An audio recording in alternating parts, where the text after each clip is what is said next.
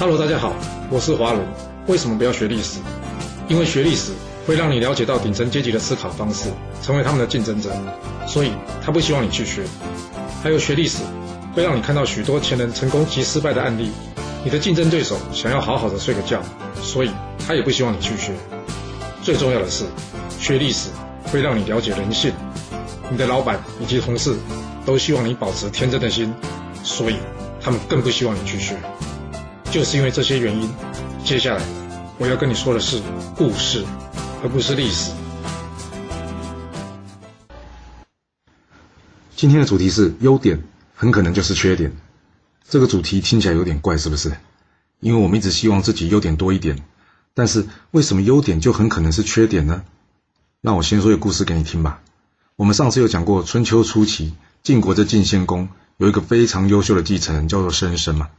这个申生不但对人民非常仁慈，而且对自己的兄弟呢也非常有爱，派他出去打仗也从来没有打败过。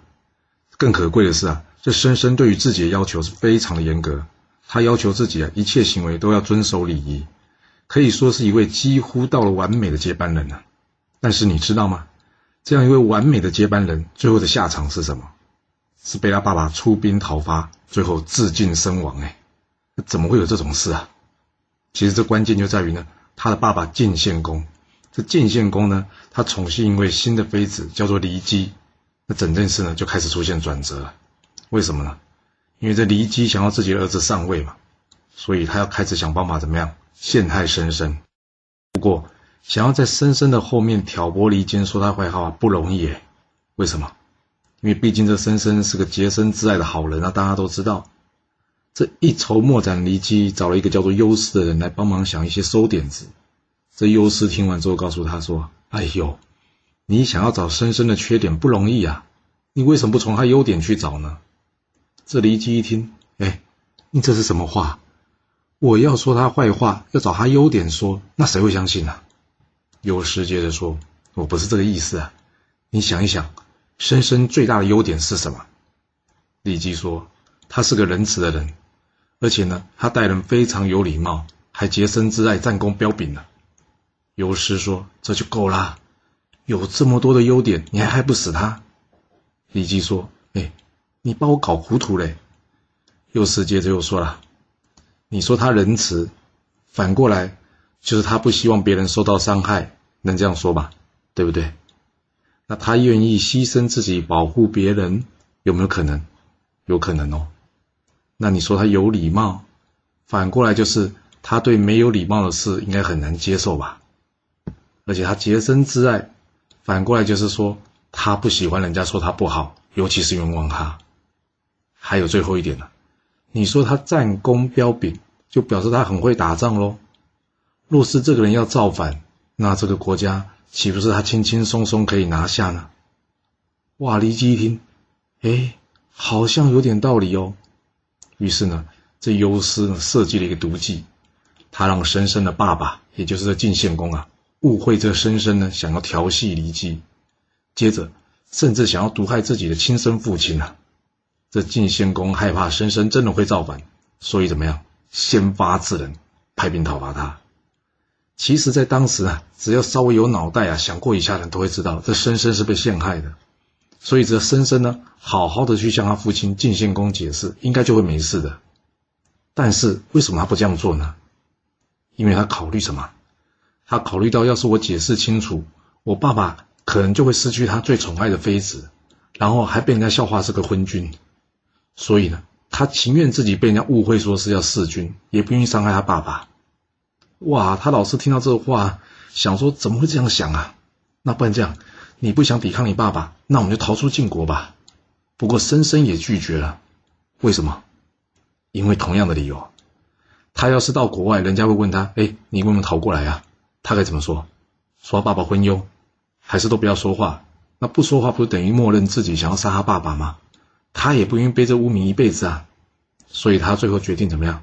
牺牲自己，成全他父亲呢？你听到这故事，千万别觉得这深深头脑迂腐、自取灭亡，根本没什么好同情的。为什么？因为很多人或者很多公司啊，都会犯上一样的错误，就是什么长处太长，最后这长处啊反而变成短处了。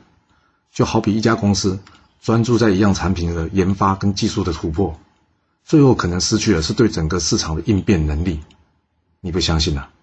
那我们就拿这电脑硬碟机啊，或是有人说是硬盘，它的发展过程来告诉你吧。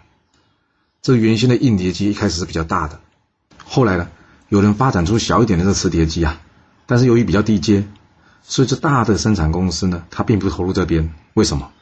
因为它已经投入大量的研发费用在大的硬碟机生产嘛。怎么可能转过来投资这个小碟硬碟机，还有这低阶的市场呢？所以呢，他们拼命卖大的这个硬碟机，卖到什么时候？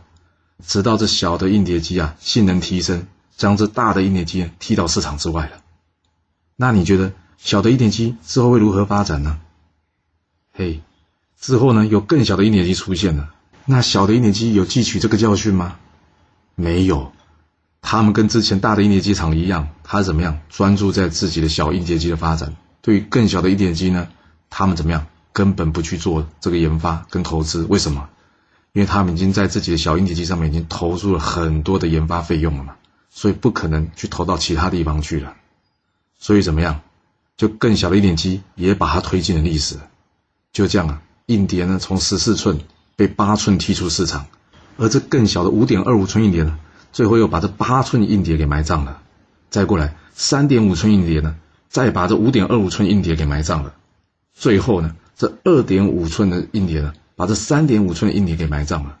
哇，你看，都是小的把大的怎么样给埋葬了？那为什么这故事一直上演呢？就是因为长处太长，他们呢只专注于自己的研发。你更想不到的是啊，最后这些硬碟机啊，在现在可以说是完全被这固态式硬碟，就是 SSD 啊，给全部给埋葬了。为什么这些历史会不断的重演呢？就是我们刚刚说的，因为他们投资太多在里面了。你想想看，要是一个人一辈子都认为这样做是对的，他们的思考已经变得没有弹性了。他有可能随随便便改变他的思考吗？我们拿这个成绩好的学生来说吧，他会相信什么？努力读书就会有好成绩，又或是他头脑聪明，所以成绩名列前茅，所以他会怎么想？努力或是天分等于要好成果。但是离开学校进了社会，他会发现什么？这努力不一定会有成果哎，那他又如何接受这挫折啊？或是说他很聪明，但是老板不聪明啊？他要如何面对这糊涂的老板？或是这老板无法理解他的想法的时候，他要怎么处理呢？还有这些品德好的人，他要如何接受这上司可能会有的肮脏龌龊的勾当呢？要是处理不好，他反而可能会成为被人家诬陷或是排挤霸凌的对象，你说是不是？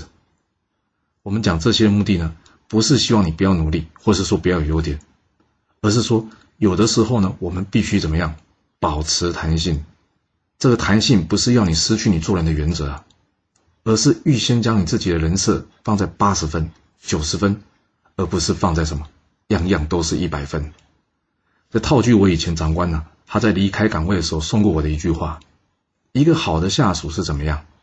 就是大事不犯。小错不断，我当初听这句话，我觉得好好笑啊！什么叫大事不犯，小错不断啊？但是随着工作时间越来越久，我就觉得他讲的话有道理。这大事不犯错，所以呢，老板跟上司知道你的能力会重用你。但是为什么小错要不断呢？这表示你的心思没有那么细密，所以呢，老板或是你的上司呢，就比较不会怕你了。甚至呢，他不会交代一大堆杂七杂八事给你做，为什么？交给你太多事，你会一直出错啊，所以不会给你太多事啊。所以你有没有想过，有时候这个出错也可能是计划中的出错，哎，让人家没有办法摸清你，才是在丛林生活下去的法则。所谓逢人只说三分话，为何全抛一片心？其实就是这个意思。其实除了说话，平常的言行举止也是一样的。要是你很容易让别人清楚的掌握你的行为，其实这就跟说话口无遮拦意思差不多了，你说是吧？要是你有不同的见解与想法，也欢迎你留言给我哦。好啦，我们今天先说到这。如果你就是不听我的劝，想知道完整版的故事内容，你可以从说明栏找到我爱故事频道的连结。不过记住哦，你是来听故事的，而不是来学历史的。要是您喜欢这个频道，麻烦您动动您的手指。追踪留言，或是给我五星评价的支持以及分享。谢谢您来收听，我们下次再见。